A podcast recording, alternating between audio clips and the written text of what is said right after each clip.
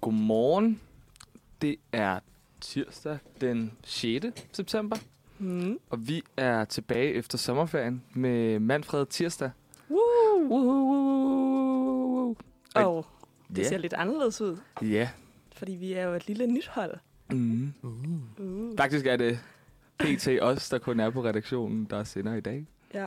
Så vi er fire mennesker, og det er mig, Laura, der også var med sidste, sidste gang, sidste år, sidste semester. Sidste semester. Ja. Og så har jeg Lene ved min side engang. Hallo, og godmorgen derude. Jeg er med igen. Jeg har efterhånden været her i Uniradio lidt år, startet på mandagsredaktionen, og nu er jeg fuld gang på tirsdag. Sejt. Og så er jeg Christian, stadigvæk efter sidste semester også. Og så har vi jo et lille nyt skud på stammen. Uh. Uh. Hvem er den mysterious guest? Vi har Emil med. Han har været med på én sender før med Lena og jeg. en gæsteoptræden? En gæsteoptræden, men nu er han med for fuld drøn. Yes, det bliver skide godt. Ja, det gør. Det er mega Velkommen fedt. til, Emil. Velkommen til.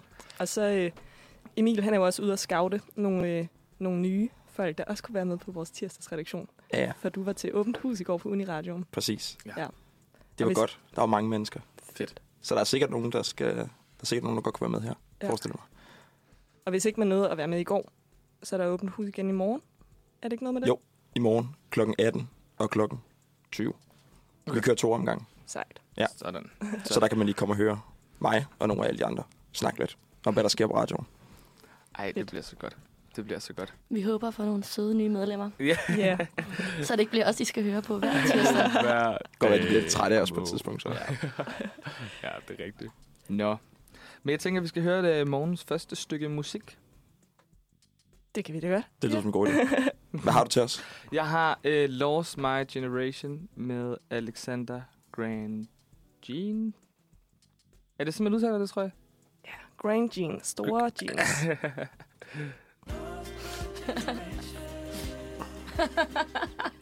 Er der blevet tørret op? Ja, jeg har taget det op. Jeg kom lige til... Uh, Lene sagde noget sjovt, da jeg lige havde taget vand i munden, og så kom jeg til at spytte vand ud over alt vores udstyr. Men uh, det er taget op, og der er ikke noget, der er kortsluttet. Så uh, don't you worry, guys, hvis der er nogen fra uh, Uniradioen, der lytter med. Vi håber i hvert fald, I stadig kan høre os derude. Er der nogen, der har tjekket op på det? Nej, altså, det går nok. ja, vi går fint igennem hos mig, synes jeg. Perfekt. Ja. Nå, altså i går, der havde vi jo, vi går alle fire på samme studie, samme årgang, samme hold, film- og medievidenskab. Så vi havde første dag tilbage på uni i går. Puh, var. Ja. Mm. Det var lidt hårdt. Vi har haft sommerferie i sindssygt lang tid. Tre måneder. Tre næsten. måneder. Nej, er, er det tre måneder? Altså, det var i hvert fald, det var jo i maj, at vi begyndte at, øh, at ikke at være på uni længere, Det ikke? er rigtigt. Så det er i hvert det er fald 3-4 måneder siden sidst, vi har været. I hvert fald Rigtig. sygt lang tid. Ja. Men også tiltrængt.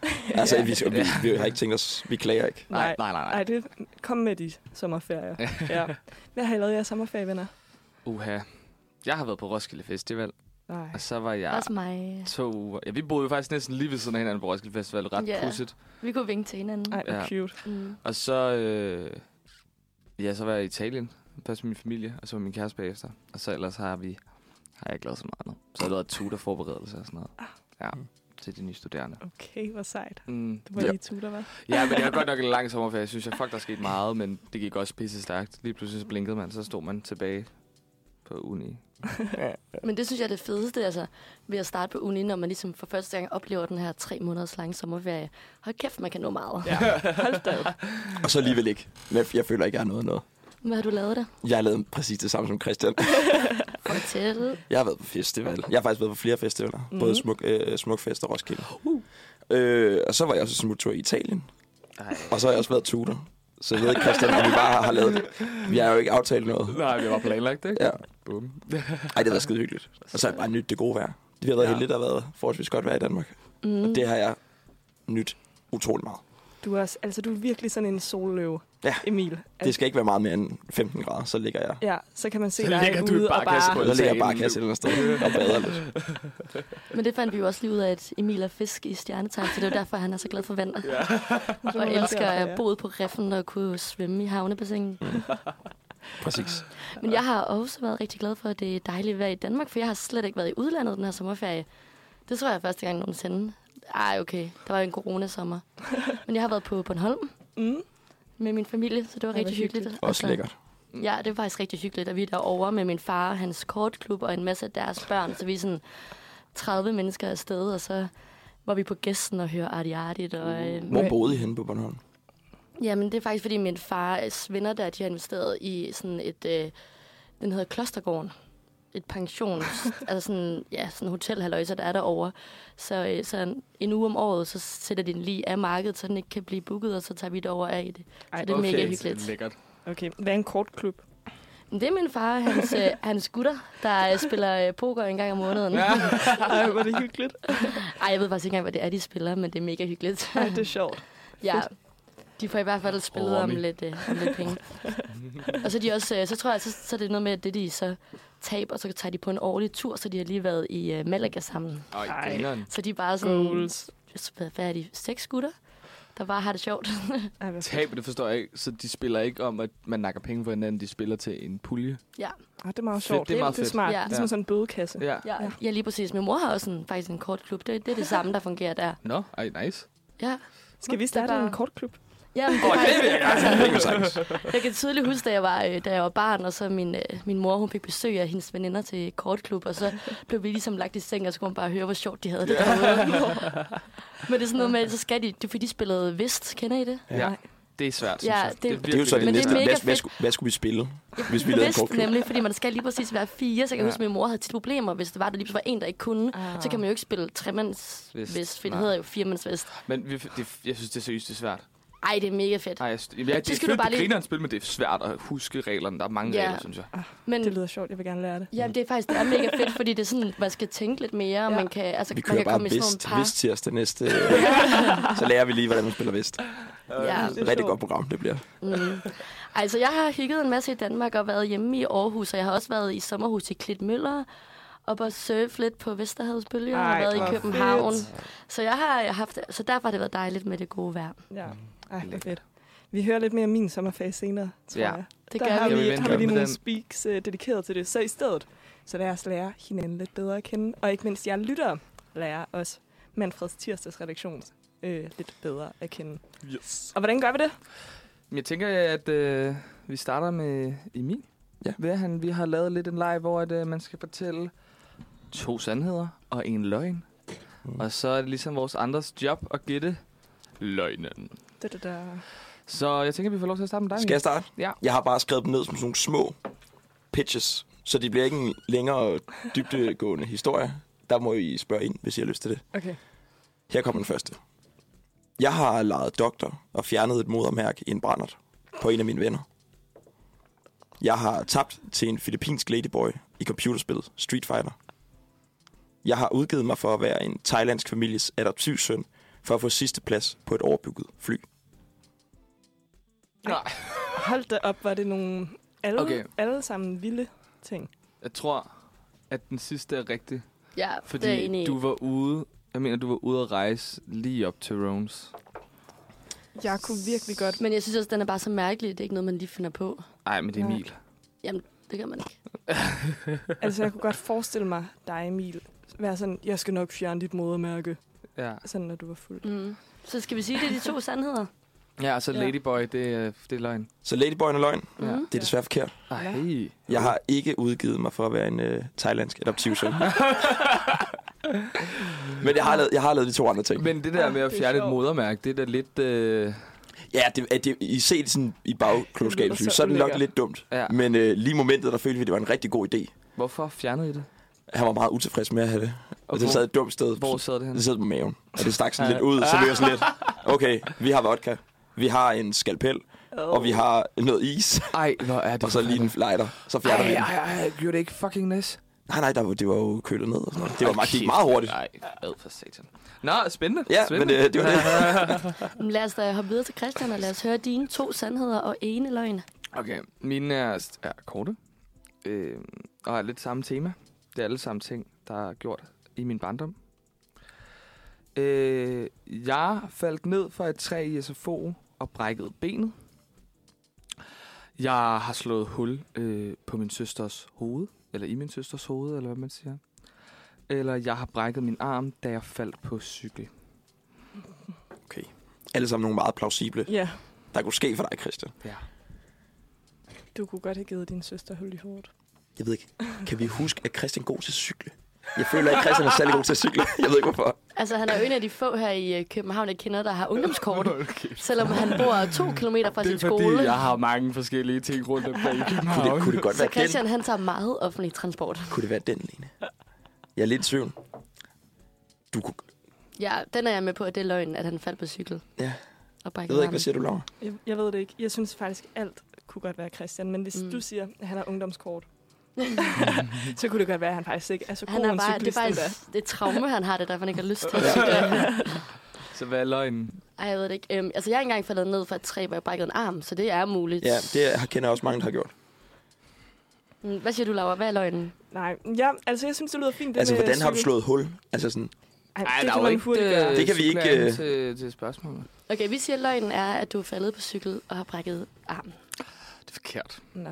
Ja. Jeg, øh, jeg er ikke faldet ned for et træ og brækket armen. Mm. Mm. Nej. Så du er dårlig til at cykle. Ja, okay. Der var sort sne.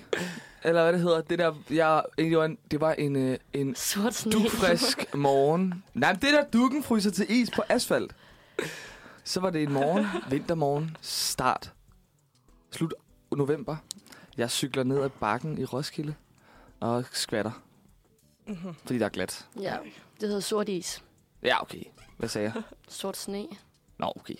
det er noget helt andet. Det er noget helt andet, Christian. Det er sådan noget, man har efter en bytur. og Sådan noget. Jeg tror ikke, jeg forstår. Nej. Nå, men dejligt. Laura, har du også forberedt Ja, det har to jeg. sandheder og en løgn? To sandheder en løgn. Ja. Øh, jeg har skiftet folkeskole tre gange. Mm. Mm. Jeg har gået til ridning i fem år. Og jeg har engang skulle tisse så meget, at da jeg løb ud til toilettet, der faldt jeg og forstod min fod. Den sidste tror jeg på. Ja. Jeg ved ikke, hvorfor. What? Men jeg er sikker på, at de andre også er rigtige. Jeg føler, at hun har gået til ridning, har hun ikke det? Ja. Det fortæller jeg ikke noget om. Og hvad var det nu, den første var? Det var at skifte skole tre gange. Det er mange gange. Ja. Øhm... Jeg tror ikke, Laura har gået til ridning. Tror du ikke? Nej. Jeg har heller aldrig hørt Laura snakke om ridning. Nej. Det er heller ikke. Og hvis det, hun har gået til ridning i fem år, var det ikke det, du sagde? Så er det noget, man... Altså, jeg hører kun om ishockey. Ja, for jeg spiller ishockey. Ja. Og det er også noget af et skift. Altså gå fra ridning og så til ishockey. ja, det er ikke lige samme vibe. Er det den, vi går med? Hvad siger du, Nina? Ja, ja. Det Ja, gør ja. vi. Det gør vi. Du har Er- ikke gået til ridning. Jeg har gået til Ja, jeg vidste det. Jeg kan så du godt huske, noget? hun har snakket om det. Så sig Ja. ja. noget. Jamen, jeg blev da i tvivl om, det lige pludselig var en anden, men jeg kan huske, at jeg før havde tænkt sådan, det var et lidt, det havde jeg ikke regnet med. Nej, øhm, jeg, jeg har aldrig skiftet folkeskole. Nå, Nå. det synes jeg, der stod og snakket om. Men nej, det er ikke mig. Så mangler vi jo bare en. ja. Lene. Lene. Øhm, jeg har været gået lidt anderledes til værks. Okay. Øh, og nu kommer i vilkårlig række to sandheder og en løgn om mig. Så ved man, det er Okay, vi Kort går i rækkefølge. Jeg, jeg elsker Nutella. Jeg elsker pomfritter. Jeg elsker leverpostej. Okay. Ej, du kunne Hun er godt sådan en rigtig leverpige. er hun ikke ikke det? kunne lide øh, Nutella. Ja, hun er sådan en rigtig leverpige. Det tror jeg også. Ja. Der bare... Det er sådan, altså, hvem kan ikke lide pomfritter? Ja. Det er der ikke nogen, der ikke kan. Okay, er der nogen, der har været på Mac'en med Line? Sådan... Og har tænkt, Ja, men der har været fuld det? Nej, Jeg vil ikke rigtig stole på min troværdighed. nej. Jeg føler ikke, Lene kan lide Nutella. Nej, det tror jeg det altså tror jeg heller ikke, hun kan. Også fordi der er mange, der faktisk ikke kan lide det. Nej, jeg kan ikke Og det er kontroversielt. Jeg kan heller ikke lide det. Jeg gider ikke Emil! Nej, det er sjovt. Ej, Jeg elsker Nutella. same. Med smør på. Mums, mums, mums. Nå. Hvad? Jeg tror heller ikke, Lene kan lide Nutella. Nej, Jamen, altså er ikke det dem, vi går det? med. Det er det, vi siger. Lene, du kan ikke lide Nutella. Jeg elsker Nutella. Fuck. Så meget, hver gang min far han er over grænsen, så køber han sådan en af de der kæmpe 1 kilos Nutella med til mig. og jeg er typen, der kan tage en lille ske, og så bare lige smage Ja. det rent. Ah, Ej, det er så lækkert. Så lækkert. Ja. Og så elsker jeg også leverpostej, især hvis det er varmt og med bacon på. Men jeg kan ikke lide pomfritter. Ej, Ej, er okay. Jeg kan slet ikke lide kartofler. Nå, Hvad? What? Det er sådan, det er for melet. Jeg, jeg kan simpelthen ikke holde det ud. det er sjovt. Det er Ja. sjovt. Jeg har fundet ud af, at jeg kan godt lide uh, Burger Kings curly fries. Gud, vi har Okay. snakket om det her, nu når vi snakker. Ja. Men Ja. Hvad med, altså. Har vi der- snakket om det her? Hvad med sweet potato fries? Nej, det er sådan Nej, for... det kan jeg heller jo, ikke. ja, det er bedre end altså sådan de Nå. værste pomfritter, jeg kender i hele verden. Det er McDonald's for eksempel.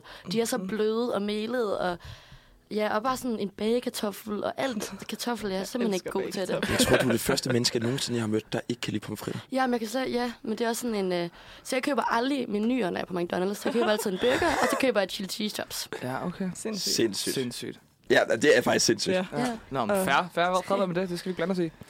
Jeg tænker, at vi går videre til næste sang. vi Ja, kan så kan vi det. lige Det er komme faktisk lige vi skal blande det os i det. Øh, det er Promises med øh, Elisa Lama. Vi er tilbage. Klokken den er lige blevet 9.21. Og vi skal fortsætte med et af vores faste speaks her på øh, tirsdags. Manfred, som vi også kørte med sidste semester, og det er nemlig, at jeg vil dele lidt nyheder med jer i form af clickbaits. Fedt. Woo. Fedt, fedt, fedt. Yes. Og øhm, som altid, så er det mest spicy og sjoveste clickbaits, det er jo om reality-stjerner. så det er også i den genre, jeg har kørt i i dag. Men øhm, I får den første overskrift her. Silas fra Paradise er ikke til at kende. Derfor ser han sådan ud. Okay. Var det... Silas fra Paradise. Silas. Er der nogen af jer, der har set Paradise? Ja. Ah, ja. Jeg ved, jeg, ved, hvem er. jeg ved også, hvem det er. det er. Okay. Okay. Skal, I Øh. lige, skal I lige se billedet her? Som I kan se, så er han helt, altså hans øh, hoved. Han har fået fjernet visdomstænder. Ja, det, det har har han. han nemlig. Ja. Ej, hans, øh, ja, hans Boring. kinder er sådan helt hævet op. Det ser fuldstændig voldsomt ud. ja. Og det er, fordi han har fået fjernet de to nederste visdomstænder, han forklaret. Og det er sygt ubehageligt, ifølge Silas. Nå, stakkels Silas. Stakkels dreng. Ja. Så er der en ny her. Helle thorning Schmidt flytter fra sin mand. Er de blevet skilt? Skal de til at separeres? Ja, det kunne jo noget jo tyde på. Det kunne noget godt tyde på med sådan en overskrift. Det Ja. tror jeg ikke. Jeg kender ikke så meget til Helles eller Nej. Live. Ja, det tror jeg måske ikke, de skal. Hvad, hvad siger du? Jeg tror, jeg det er ikke. sådan en forretning. Bare koncentrer dig, Emil, for helvede. Jeg stod lige og læste noget andet. Nå ja. Øh, Helle thorning Schmidt flytter fra sin mand. Men det, der simpelthen er, det er, at hun flytter til Danmark, mens han bliver boende i London. Ja, så jeg kunne godt Nå. forestille mig, at det var et eller andet arbejdsmæssigt. Ah. Helle thorning Schmidt vender næsen hjemad efter seks år i udlandet, hvor hun har haft adresse og bopæl i London. Nu er den tidligere statsminister flyttet tilbage til Danmark. Det fortæller Helle Thorning på Instagram. Jeg mødte jo Helle Thorning på øh, øh, Roskilde. Nå, Sej. Sammen med hendes hun er jo, altså... Jeg føler, hun er det mest folkekære menneske nogensinde. Ja, altså jeg vidste ikke, at hun boede i London, faktisk. Jeg tænkte bare, hun hyggede rundt herhjemme. Aha. Danmark. Steven. Kan du ikke huske, der var alt det der med, at Der var noget med skat, var der præcis, ikke? Nå. at du må jo kun bo et vis antal dage i, Mm. øh, i udlandet og alt sådan noget. Og det var vist sådan lige på grænsen med hendes, Ja, okay. hendes kæreste på det tidspunkt, hvor hun selv var statsminister og alt muligt. Der er også noget andet, men det tror jeg ikke, vi snakker om. Det ved vi ikke noget om. Så hopper vi videre til den næste. Andreas Oddbjerg skuffer fans. Okay, Hvad har han gjort? kan det være noget med den der øh, Min sang til Danmark? Der er kørt på DR ved for to uger siden. Ja, ja. Det er et nyt program, der lige er kommet, som er lidt ligesom det der, der var sidste år, hvor så danskere, så tager de, altså danske sanger og tager rundt til Danmark, i forskellige steder i Danmark og finder inspiration, og så skriver de en sang til Danmark. Der har Andreas Oddbjerg i hvert fald været med, ved jeg. Nå, det siger ikke mig noget. Men jeg har ikke hørt sangen, jeg, Jeg, jeg, ikke, jeg er følger ikke så meget med i hans liv. Har han lavet en dårlig koncert? Har han spillet koncert? Skuffede han til grøn koncert? Jeg ved ikke. Nå ja, kunne også være. Andreas Oddbjerg er utvivlsomt blandt de største danske kunstnere lige nu, og derfor giver det også god mening, at mange fans ser frem til en efterårsturné fra ham. Mm. Men det kommer ikke til at ske. Det fortæller han i sin story på Instagram. Her skriver han, Hey guys, I begynder at spørge efter en efterårsturné, hvilket jo bare er smirende, men jeg må simpelthen melde pas, da jeg har haft så travlt hele foråret og sommeren, at jeg nu bliver nødt til at fokusere på at skrive musik. Okay, Okay. Så han skuffer på noget, han egentlig aldrig har prøvet. det var folk, der har forventet noget af ham. Ja, okay. Så jeg synes, den er lige i hvert fald blevet fordrejet lidt. Okay, vi hopper videre. Christian Dein har fået ny chef. Det er vildt. Okay, er han øh, over på... Øh, er han, Er han skiftet til kanal? TV2? Men han er på TV2, jo. Jamen, Nej, var han ikke på DR? Var han ikke lavet Hammerslag? det Jo, men han er det ikke skiftet. TV2, der har Hammerslag? Ja, for han lavede jo Hvem vil være millionær også. Ja. Nå, er Men- han så tilbage til DR? Nej, Nej, det Nå, tror jeg der er det bare samme chef, jo. Det kan være, at han er kommet over på Discovery. Oh, hey. Jo, Jeg ved det ikke. Det var det ikke. Livet er vendt op og ned for Christian Dein, efter han blev far for knap tre måneder siden. Der er en ny chef i butikken. Det hele handler om, hvordan lille Vagn har det, Ej, siger Christian. Ej, hvor er det irriterende skrevet. Ja, det er virkelig noget skrevet. Ny chef og ny Ej. chef i butikken. Ej, jeg, jeg mødte ham faktisk Men på Frederiksberg for nogle uger siden. Han er synes, det største menneske, jeg nogensinde har mødt i hele mit liv. Ja, han er ret øh, Han er kæmpe høj. stor, stor Ja. fyr. Kæmpe høj. Vi hopper videre. Martin Larsen må ikke længere arbejde på DR. Nå, Hvad har han gjort? Hvem er det, Martin Larsen det er? ved jeg ikke. Jo, Nej. Det er ham, ham, er øh, lidt komikeren. lidt ja. slægt. Nå, Martin Johannes Larsen. Nå, ja. Nå, Nå, Nå ej, jamen, det er han skal være vild med dans. Så du det, Lene. han skal være vild med dansvært. Ja, Det er, fordi han er vært på den kommende sæson af Vild med Dans på Mm. TV2. Og så kan man ikke også være en sjov mand hos Ej, konkurrenten. og ved I, hvad der bare er sindssygt irriterende? Jeg skulle have været til ham og Rasmus Wallbridges øh, comedy show her i sidste uge. Men så øh, ugen inden, så får man lige en mail om, at hey, det er blevet aflyst, fordi Martin han skal være vært på Vild med Dans. Nej. Og jeg har bare glædet mig så meget, for jeg synes, at Rasmus Wallbridge er så sjov, og at Martin er lækker. Så jeg var sådan klar til bare det bedste af begge verdener. Men nej, det blev så udskudt til 2023. Nå, så, nå, okay, det er blevet bare blevet udskudt, eller hvad? Ja, men det er da så lang tid. ja et halvt år. Ja. De filmer da ikke vild med dans nu, gør det det? Åbenbart. Jeg ved det ikke. Jo, jo, det skal de i gang med nu her. Nå, ej, jeg ved ikke en skid om det. Okay, den sidste kommer her. What? Er Frederik Fetterlein blevet kørt ned? Det ved jeg ikke. Handler det om, at han er blevet kørt Og så står der sådan i underrubrikken.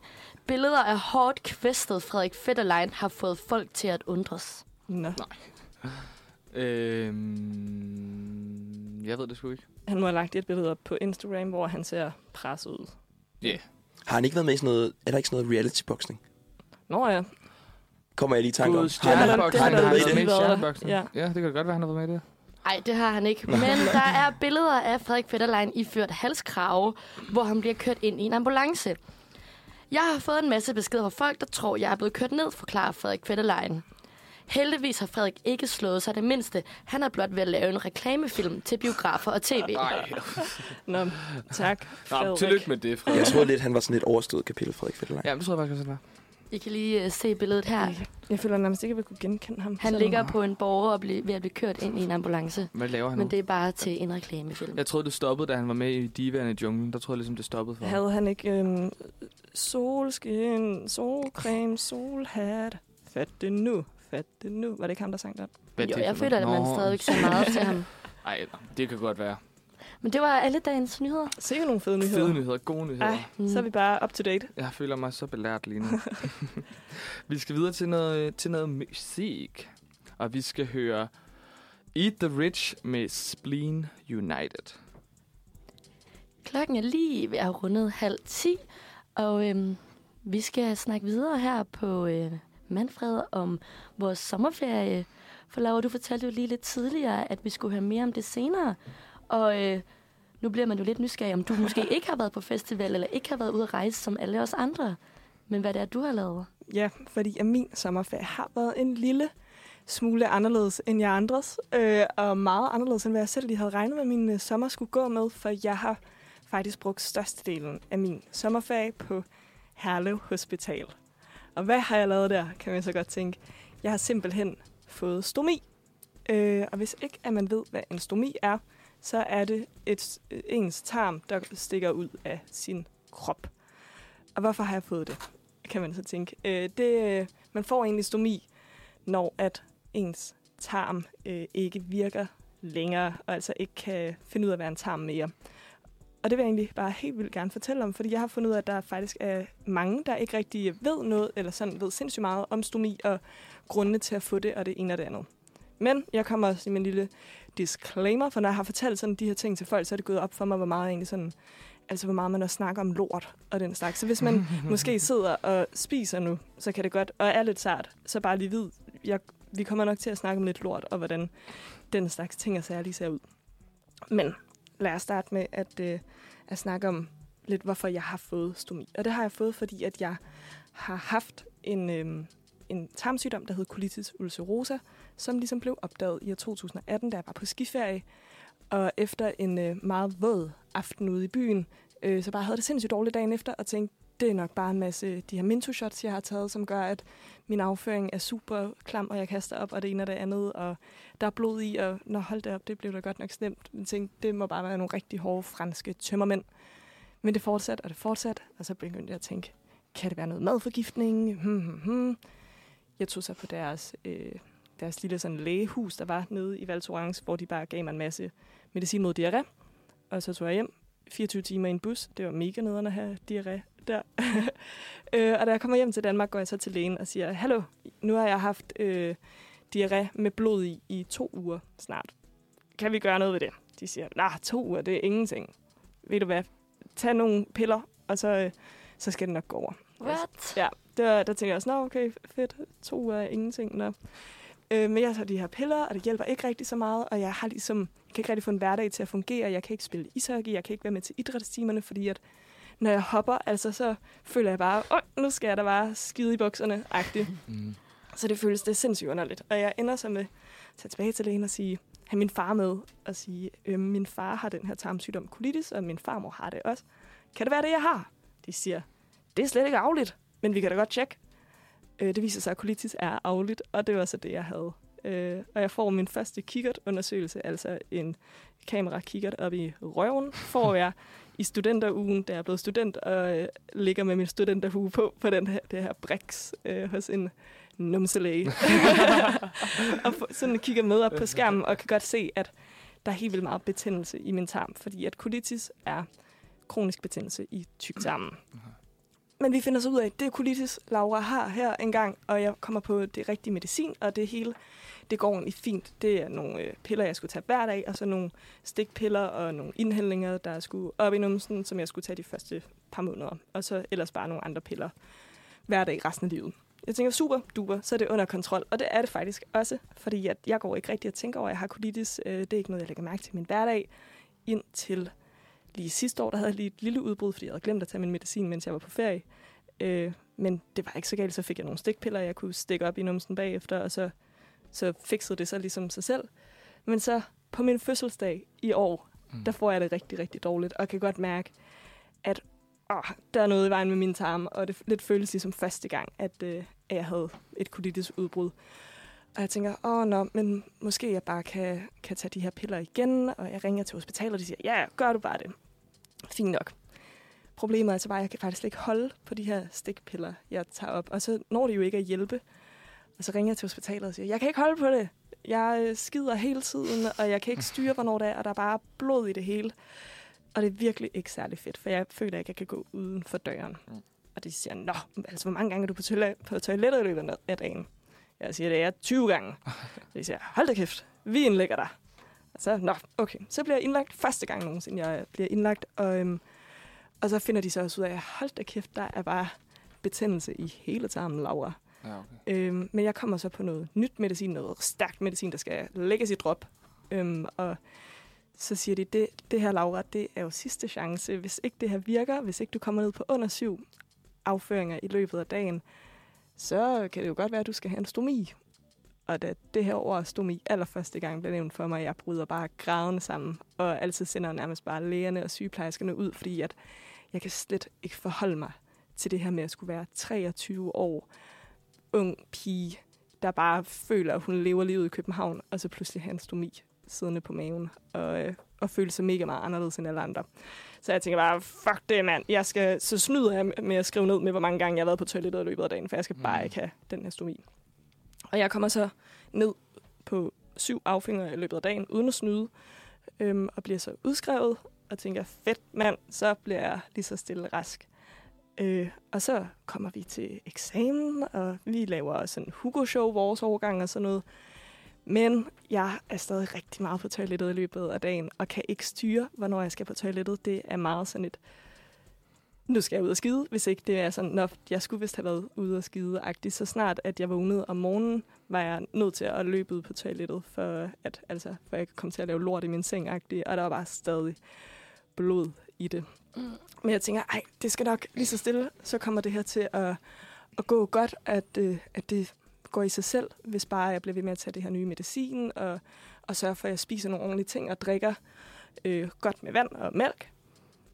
Og det går så nogenlunde. Jeg får ligesom fundet ud af, at det er værst om morgenen og om aftenen, og så skal jeg bare sørge for at være tæt på nogle toiletter i løbet af dagen. Mm. Så altså, det, er sådan, det holder mig jo lidt tilbage, for jeg kan ikke bare gå ud og gå en tur i en eller anden park med en veninde, fordi at jeg ved ikke, om, der, om lige pludselig jeg bare skal på toilettet, eller hvordan og hvorledes. Så det, altså, det er sådan lidt en hindring, men jeg prøver at bare sørge for at få det bedste ud af det, og så gå på toilettet hjemmefra og, og den slags. Men altså selvom at jeg var tømt helt ud for afføring og det ene og det andet, så ville min tarm gerne nogle gange bare prutte blod ud, så i stedet super ubehageligt. Og jeg begynder også at kaste op og den slags.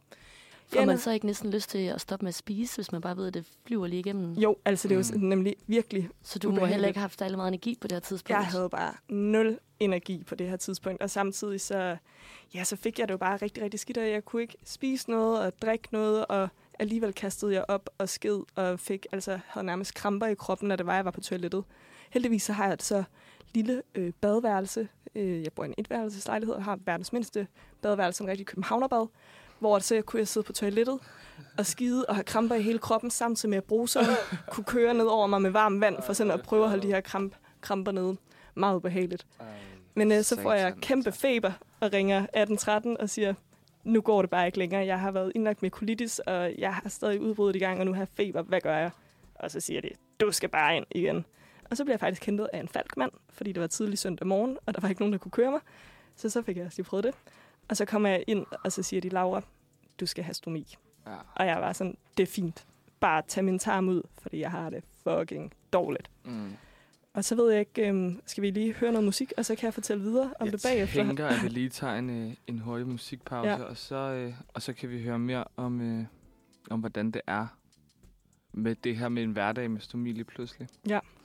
Og vi skal høre If You Were Sorry med Magnus Temples.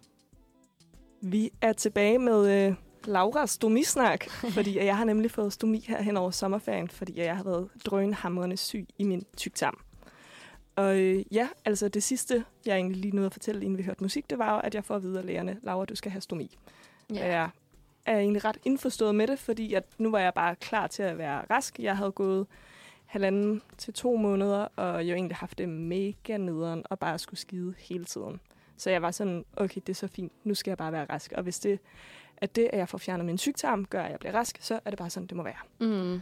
Og øh, det er jo egentlig fint, at de får fjernet tarmen, og jeg er klar til at blive rask, men der kommer så sindssygt mange komplikationer med det her. Jeg får noget tarmslyng og skal opereres igen. Uh, nu, hvad betyder tarmslyng? Ja, det er nemlig et godt spørgsmål, for det vidste jeg heller ikke. Det er, at øh, ens tarm slynger sig om sig selv, og øh, simpelthen skaber en forstoppelse den vej. Nå, fordi tarmen jo bare er blevet klippet. Ja, lige præcis. Og lige pludselig, så min tyndtarm, som er den, der nu stikker ud af min krop, den sad jo før fast i min tyktarm, som så sad fast i min endetarm. Så de havde jo ligesom styr på, hvordan det hele skulle være. Ja, det hang sammen det hele. Ja, men nu er der jo så ikke nogen tyktarm, så tyndtarmen flyver jo bare lidt rundt i min mave nu. Er Sådan- det rigtigt? Ja, det er i hvert fald sådan, jeg forestiller mig det. Og så har den slynget sig om sig selv. Øh, og det gjorde så, at afføringen ikke kunne komme ud i min nye stomipose. Og jeg så i stedet bare kastede det op.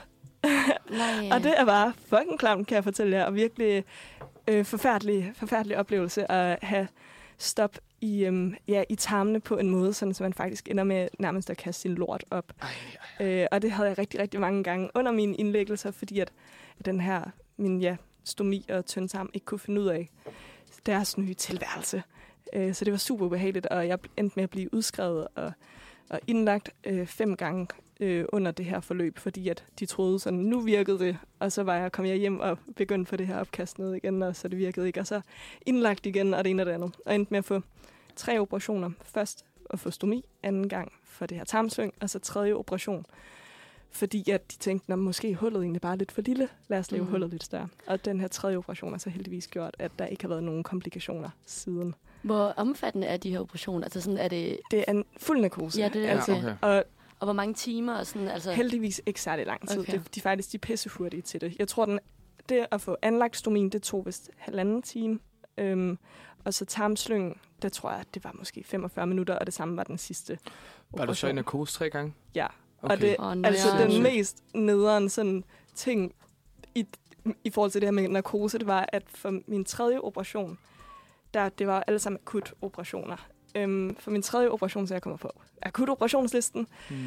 så øh, har jeg været nede og blive scannet, og de kan se, yes, det ser ud til, at vi godt kan operere dig. Øhm, og du, nu faster du bare. Men vi ved ikke, hvornår på dagen, at du kommer ind og skal opereres. Og jeg fastede, og jeg fastede, og jeg var så tørstig, og jeg var så tørstig. Og så kom jeg slet ikke ind den dag. Nej. Og jeg havde bare, åh, jeg havde bare sådan altså drukket små, bitte små dråber af vand, sådan Ja. ja. lige taget på fingeren, og sådan Mm. vædet min tunge med i løbet af dagen, fordi jeg var så tørstig. For så har jeg fastet i 12 timer, og så får jeg vide helt over, du kommer ikke ind i dag alligevel. Så kom jeg så heldigvis ind dagen efter, øh, og ja, fik så den sidste operation. Mm. Men ja, så nu har jeg stomi. Og det har jo så gjort, at min hverdag ser lidt anderledes ud, end hvad den gjorde før øh, jeg fik stomi. Og det hele, det starter mere eller mindre sådan, I får lige en øh, a day in my life. det hele, det starter faktisk sådan lidt om natten, fordi at øh, jeg er nødt til at stå op to gange i løbet af natten for at tømme min pose, jeg har på maven. Så jeg sætter et ur med sådan tre timers mellemrum fra, når jeg går i seng, og så tre timer frem, og så bliver jeg vækket, og så går jeg ud og tømmer jeg min pose, og så tre timer frem bliver jeg vækket, går ud og tømmer min pose, tre timer frem, og så står jeg op. Fordi Okay, den bliver fyldt. Ja, eller i hvert fald fordi, at jeg er bange for, at den bliver fyldt. Men Kan man ikke op. få sådan nogle, ligesom når man har sovebind, sådan Jo, nogle altså, ekstra store poser til om natten? jo, altså det tror jeg godt, man kan, men så er der jo det med, så skal jeg faktisk skifte pose om aftenen også, og jeg prøver så vidt muligt kun at skifte pose en gang om dagen. Okay. Også fordi det irriterer huden nemlig lidt, øh, det her klister og noget værk, Ja. så det man skal af på hele tiden, det er ikke så praktisk. Man kan også få sådan nogle todelte poser, hvor man så ikke skal skifte klistret hver dag, men det har jeg prøvet en gang, og det synes jeg var super bøvlet. Okay. Øh, men det er faktisk det, fordi at jeg en gang mellem mine indlæggelser, hvor de lige havde sat godt gang i min stomi, de havde haft lagt et kateter ind i den, og så givet mig sådan noget øh, klyks, sådan en lamang, Ja. der ligesom gør, at nu kommer tingene bare ud. Øhm, det havde jeg fået, og det var fint, og det havde jeg ikke tænkt over om aftenen, så jeg vågner i løbet af natten, og så er der bare lort i hele min seng. Ja, Okay. okay. Fordi at øh, posen er blevet fyldt, så den er sprængt, eller den er sådan lækket.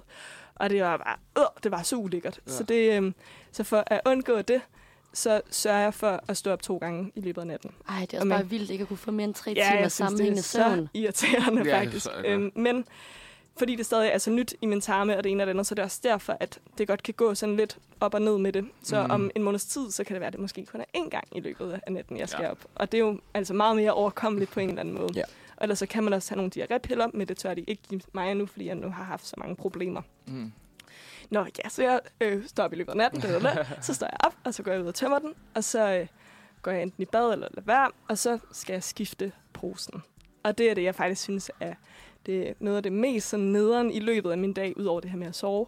Fordi at der bliver jeg sådan rigtig konfronteret med, at jeg faktisk har en stomi, fordi at jeg skal stå der og lige bruge de her 5-10 minutter på at få den her pose af, der sidder ud over min tarm, hvor at afføringen ligesom kommer ned i, og så kigge på det stykke tarm, der hænger ud af min Mm. krop, rense det, og, sådan, og den slags. Og det kan jeg godt nogle gange, i hvert fald sådan, synes, det at skulle tage mig sammen til at gøre det, kan være sådan lidt hårdt, når jeg ligger inde i sengen. Men det skal jo gøres. Skal du skifte den hver dag? Ja, det skal okay. jeg. Fordi der er sådan et kulfilter i, der sørger for, at luften, der kommer i, ikke lugter, øh, når det sådan kommer ud til Mm. os andre. Mhm.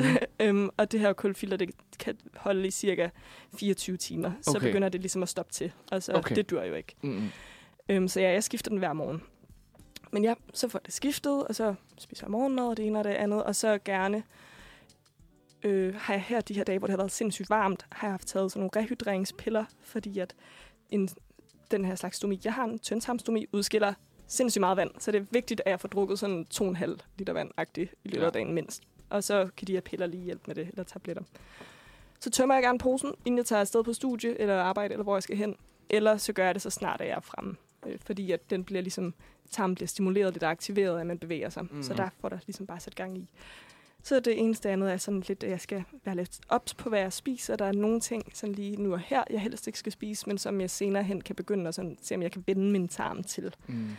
Øh, men altså, jeg kan godt spise en rugbrødsmad med leverpostej, hvis det skulle være det. Så det men grøntsager, hårde grøntsager, må jeg ikke spise lige nu. Hårde grøntsager? Hvad er hårdgrøntsager? Gulerød. Okay. Aha. Lad os tænke på sådan en. Eller, Pastinak. Sådan noget. ja, altså, og grøntsager er der bare ikke tilberedte. Ja. Okay. Eller hvis der er skrald eller skal på, så skal jeg også Okay. have det af. Jeg kan huske, vi snakkede for to-tre uger siden omkring øh, dig og din stomi. Øh, hvad med sukker? Er du stadig, må du stadig ikke få det? Altså, For det er jo Det er jo- vildt svært egentlig at beholde, Ja. for der er sukker i alle Ja, fødevarer, man og kan man kan købe. sige, man har jo også brug for sukker. Ja. Øh, så jeg må godt få sukker, men jeg skal sådan ligesom holde det nede. Jeg skal ikke bare gå ud og købe en stor kage, eller mm.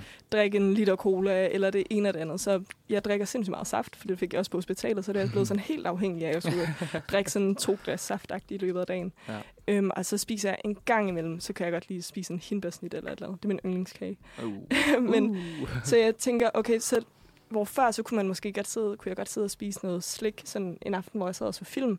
Det gør jeg så ikke nu, men så i stedet ligesom holde det her sådan slik og søde sager til, når jeg er sammen med nogen, og ligesom gerne vil hygge lidt ja. med dem. Så det ikke bare bliver sådan bare for mig, men så fordi det er også en social ting mm. på en eller anden måde. Ja, og så kommer jeg...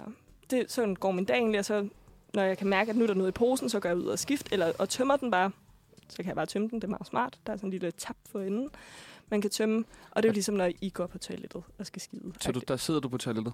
Ja, så sidder jeg på toilettet og sådan og tager posen sådan ud ned mellem mine ben, og så åbner den, og så, pff, okay. så flyver det ud.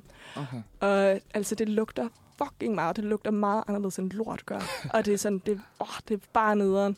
Og mens jeg var på hospitalet, der kunne jeg faktisk, blev jeg sådan helt psyket af det, at så hver gang, når jeg tømte den, så kastede jeg faktisk også op. Fordi ja. at, at jeg bare sådan, der var lige et eller andet, der bare gjorde, at det sagde, fuck, hvor det ulækkert klamt, det her laver. Så det var ikke så godt. Men nu kan jeg godt finde ud af det. Og så har jeg fået sådan øh, lugtespray, jeg kan spray, sådan så at andre ikke kan lugte, at nu er jeg været tømme mit stomi, fordi der er lidt klamt. Og ja, og det er jo egentlig sådan, meget normalt så går min dag det ene og det andet, og så bliver jeg bare fucking træt klokken 5. Fordi at min krop bare er træt efter alle de her indlæggelser. Men det er jo sådan, det er. Jeg tager hjem, jeg spiser aftensmad, og så prøver jeg at holde mig så meget vågen som muligt, sådan så jeg går i seng klokken 8, fordi det føler jeg også er lidt for tidligt. Mm. En gang så ved 9-tiden går jeg i seng i stedet. Og så sætter jeg mit ur til klokken 12 eller klokken 1, og står op og tømmer min pose, og så er det bare ja. sådan dagen er.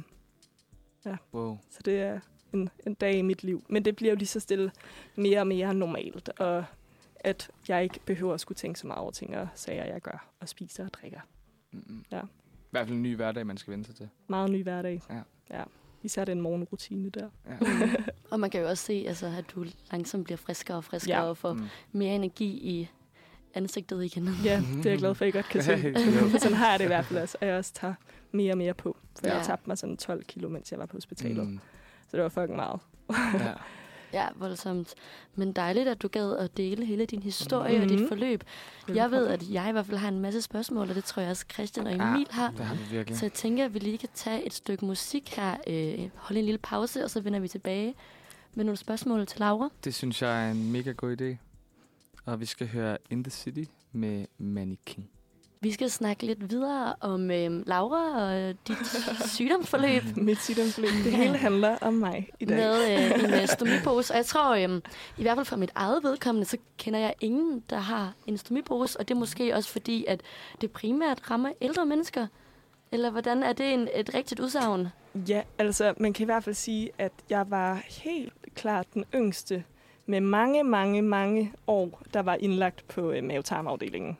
Så, øh, så der tænkte jeg også, det her det sker, og det er kun for gamle mennesker. Men jeg har, øh, fordi jeg har haft lagt sådan lidt TikToks op om, at det her jeg har fået stomi og den slags. Og der er faktisk flere unge, også som har skrevet, at enten at de øh, ved, at de nok på et tidspunkt skal have stomi, eller de har haft stomi i nogle år, og har så skrevet, at jeg kan bare skrive til dem, hvis jeg har nogle spørgsmål. Og, hvilket er mega fedt og godt, fordi at der sker jo alt muligt op i ens hoved også, når, mm. når sådan nogle ja. her ting pludselig sker. Men dejligt. Jeg synes, det er mega fedt at få belyst, for det er jo nok lidt noget, nogen vil forbinde med sådan et lidt tabubelagt, fordi som mm-hmm. du selv mhm. siger, så handler det meget om lort og lugt, og ja. nogen vil nok synes, det er lidt ulækkert, selvom mm. det er jo en helt naturlig del af os alle sammen. Ja, altså det, jeg tror i hvert fald, der er sindssygt mange, som har en idé om, at det her, det er ikke noget, man skal snakke om. Og det var også igen, altså nogle af de her TikTok-kommentarer, hvor folk, de har bare skrevet, hvor er det bare fedt, du deler, og du bryder bare tabet og det ene og det andet. Og en, der skrev, at hendes far havde haft stomi siden 2006, og han turde bare ikke snakke om det, for mm-hmm. han synes, det var bare, bare så pinligt. Hvor jeg bare har tænkt, at det gør det da bare så vigtigt at snakke ja. om det, og jeg tror, at hvis ikke at jeg tale så meget om det, var så åben om det, og folk skal også sige til, hvis det bliver fucking kedeligt, at jeg snakker om det, mm.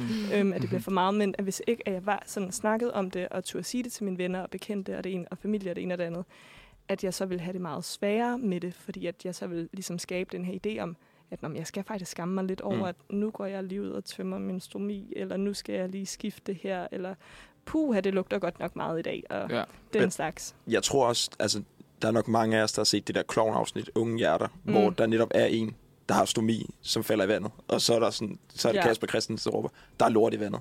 og jeg forestiller mig sådan, at det har jo ikke gjort det bedre på nogen som helst Nej. måde. Nej, nej. Og det er, også det, det er jo altså super tabulagt. Ja. Sindssygt tabu. Så hvordan sådan, oplever du, og hvordan sådan, dealer du med det? Du er meget verbal om det, Laura. ja, det er jeg. Og jeg har også sådan, altså jeg, Er det har- er sådan bevidst valg, du har taget omkring det? det tror jeg, det er. Også fordi, at jeg har heller ikke noget imod, at folk de ser min pose. Øh, altså, så længe at folk bare ikke synes, det er ulækkert. Hvis man synes, det er ulækkert, så må man sige, pak det væk, hvis det er. Men at her, når det har været sommer, at så har jeg de gange, jeg ligesom har været hjemme, at så har jeg haft, haft en crop top på, eller en top, eller et eller andet, og så shorts, hvor at elastikken ligesom så var under min pose, og så hang posen ud, fordi det synes jeg bare var rart, så det, ikke, det her varme ikke var mod min hud samtidig, Mm, fordi det jo mm. også bare bliver fucking varmt og svedigt og den slags. Hvor så gik jeg der rundt nede i indkøbscenteret, eller hvor det var. Mm. Øhm, og tænker da også, at når jeg nu til næste sommer forhåbentlig skal ud og solbade lidt, mm. øh, at så bliver det jo også bare i bikini, så jeg kan få en masse sol på tan. kroppen. Ja, ja. Øh, og så må folk jo, altså så kan de se posen, og så kan det være, at de tænker, hvad helvede er det? Og så kommer og spørge, hvis det skulle være det, eller gå hjem og google, hvorfor er der nogen, der har en pose på maven, eller altså noget i den dur. Så det, jeg tør i hvert fald sagtens vise det frem, både mm. fysisk, men også sådan, ja, verbalt at Mm. snakke om det. Men jeg tænker også den opfattelse af, at det sådan skulle være uhygiejnisk. Nu laver jeg lige gåseøjne. Øhm, men det handler måske mere om uvidenhed, om at man ikke ved, hvor godt... Fordi jeg har ikke vidst noget om stomi overhovedet, Mm. før ligesom, øh, at du har været igennem alt det her. Jeg har også, jeg faldt over din TikTok her for nogle dage siden, som jeg også fortalte dig på min For You-page, hvor at der var en, det var en video, hvor du skiftede din stomipose.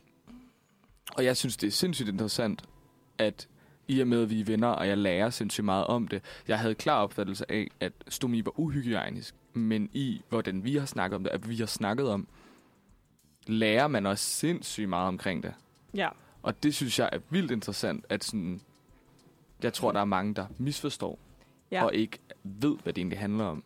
Det, altså, det tror jeg virkelig også, der er. Og man kan sige, også før jeg fik stomi, der anede jeg bare heller ikke noget som helst om det. Jeg troede jo faktisk, at det var sådan et hul ind i maven, man havde, mm. og der så, jeg ved ikke, var en slange ind, der så gik ud i en pose eller eller andet. Jeg havde ingen idé om, at man faktisk tog tarmen sådan ud et lille stykke, og den så sad ude, og man så satte en pose henover, og hvordan ja, at alt det egentlig foregår. Mm. Så jeg tror, fordi, ja, hvorfor skulle man også vide noget om stomi, når ikke mm. man kender nogen, der har det? Så. Nej, jeg har også et helt konkret spørgsmål, tror jeg. Ja. Okay, det er fordi, du har vel fået fjernet tyktarmen. Ja.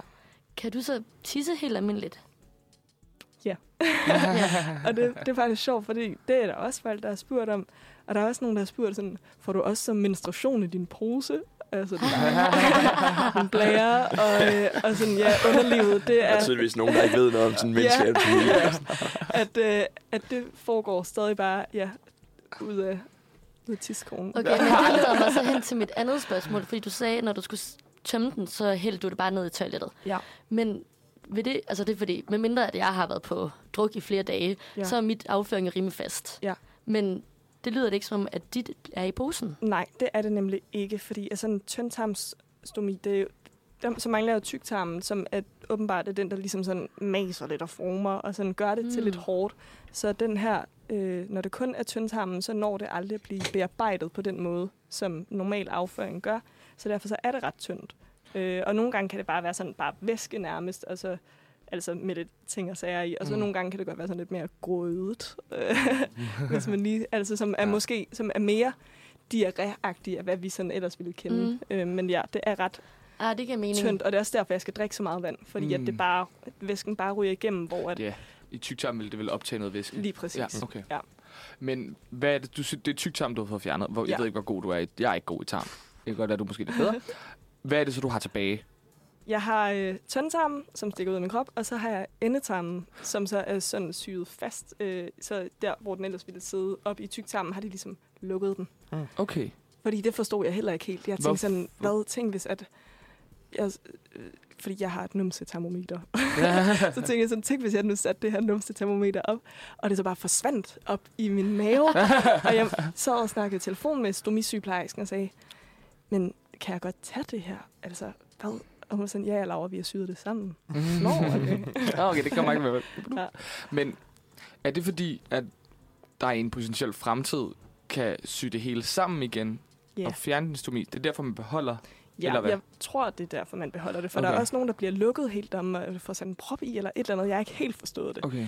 Men ja, jeg kan muligvis om et år eller senere få øh, min stomi, altså tyndtarmen, syet sammen med min endetarm, Okay. øh, som så hedder en J-pouch. Og det har, jeg har egentlig ikke sat mig så meget ind i det endnu, Mhm. mm-hmm. fordi der er stadig et år til, at jeg vil skulle tage stilling til det. Okay. Så Altså det- hvad? Og så få fjernet stomiposen? Ja, sådan så at den tarm, der nu stikker ud af min krop, får den opereret ind igen, og så syet sammen med min endetarm.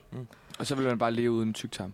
Ja, og så Okay. ville tyndtarmen ligesom skulle opføre sig lidt tyktarmsagtigt, og det ville jo aldrig blive helt normalt, som det Nej, var nej. før. Øhm, så ja, det er noget, jeg tager stilling til til den tid, Okay. Jeg ved ikke, jeg. kan man også, altså ligesom man kan få sådan nogle implantater og sådan noget, kan du også være heldig, at der er en, der har en tyktarm, der virker. Det er, sådan- sådan fungerer det ikke, vel? Nej, Okay. det er jo, i hvert fald, det er ikke noget, jeg har hørt om. Nej. Nej. Så Jeg har også et andet spørgsmål. Ja. Fordi det er jo meget af det er meget sådan lidt negativt, og det forstår jeg godt, fordi det er en stor omvæltning. Men har du fundet sådan noget, noget positivt? noget fedt. noget, noget positivt ved astomi?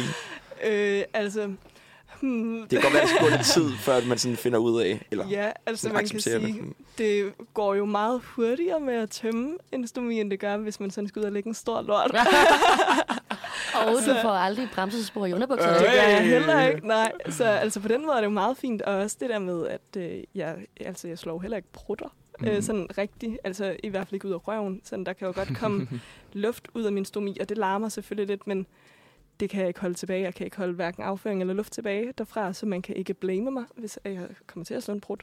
Øh, og man tænker, åh, for helvede. Så jeg siger, det, det, jeg kan du for det. det? Ja. og det lugter jo heller ikke, fordi der er det der kulfilter. Ja. Så ja, det er nok noget af det positive. Men ellers Mm. så, lige nu og her, så er det mest positive er nok bare, at jeg er ved at blive rask. Ja, Ja, det tror jeg også, ja, ja, ja, det du skal lægge Ja. energien. Okay, men så har jeg... Det var det, Emil snakkede om lige før med klovn, hvor ja. de er jo i svømmehallen. Fordi Ja. hvad gør man egentlig, når man skal bade? Eller behøver man gøre noget? Eller er det bare noget, der er blevet kørt op? Det er jo nemlig bare noget, der er blevet kørt op. Ja. Fordi, at, og det er faktisk det, er lidt sjovt, for det der afsnit, det snakkede min kæreste, hans ens roomie, om sådan en måned, inden jeg blev indlagt, hvor de var sådan, øh, stomi, fuck, det er klamt, og det ene og det andet. Og så kan jeg bare huske, at da der blev nævnt stomi første gang, så det var, fuck, nu slår han op, fordi jeg får stomi. Og hvad med hans roomie, der bare havde sagt det ene og det andet. Jeg er ikke blevet slået op med. Men, øhm, men ja, altså, den her pose, der er på, er jo grunden til, at der ikke kommer noget afføring ud, når jeg har sat den på, er jo, fordi den er vandtæt. Så der, i det, der ikke kommer noget ud, kan der heller ikke komme noget ind. Så jeg kan sagtens gå altså i badeland, hvis det skulle være hop fra 5 meter vippen, øhm, ja, svømmehal, og det ene eller andet. Alt burde mere eller, mere, mere eller mindre være normalt. Og jeg har Mm. også været ude at bade en gang, øh, Mm. efter jeg har fået stomi. Og der, altså, det var en kæmpe grænse, og sådan skulle over det og tænke, wow, nu håber jeg bare, at det hele holder. Ja, Ja. Men det gjorde det. Så øhm, Sindssygt. Og ja. hvad med sådan noget som at dyrke sport? Der holder den også fast. Altså, man skal ikke være bange for at dyrke en spil håndbold, eller noget kontaktsport, eller et eller andet. altså, man kan sige, jeg er jo... Jeg spiller jo ishockey normalt, øh, og Der er man øh, pakket godt ind. der er man pakket godt ind, men det er jo også bare en hård kontaktsport. Og Ja. jeg er lidt nervøs over sådan, det der med, åh oh nej, tænk nu, hvis jeg bare får et ordentligt sådan skub, og så ryger den af, og så Mm. det ene eller andet. Man kan købe sådan nogle skjold Nå, og putte okay. ud over, hvis det er. Man kan også købe sådan nogle bælter til hverdag, der også ligesom holder den lidt mere fast, så den ikke dingler mod huden. Okay. Og man kan vist også købe noget frægt undertøj, hvis at man går over og er lidt presset over, øh, ja, at der er en pose med En afføring ja. på ens mave. Øhm, Ja. Så man kan købe alle mulige ting og sager, der er Det er sådan ret vildt, der er burde et gøre ret tingene stort lidt- marked for det. lidt lettere. Ja, Altså, det... men det er jo fordi, vi er så sindssygt mange, der har tarme, der ikke virker. Ja. ja, Men det giver havde jeg aldrig mening. hørt om, Nej, at, sådan, at det der der var også- frækt undertøj, sådan, der kunne dække stomi. Det er også der, da hende øh, sygeplejersken sagde sådan, du kan jo også, altså, hvis det nu lige er, så er der jo også sådan, kan man få sådan nogle blonde billeder. Og jeg er sådan, nå, hvor fint. Den er god Ej, med det er dig. sjovt. Nå. Ja. Ej, Så de, de prøver virkelig, når man får stomi, at sige, du kan leve dit liv som, som, som før, Ja. som om du ikke havde stomi. Der er ikke noget, der skal kunne holde dig tilbage. Jeg var også, altså noget jeg også været lidt nervøs for, det er det her med at ligge på maven. Mm. Men i sidste uge, der var jeg til massør og lå på maven og fik massage. Og så tænkte jeg, så klarede jeg også lige det bump. Mm.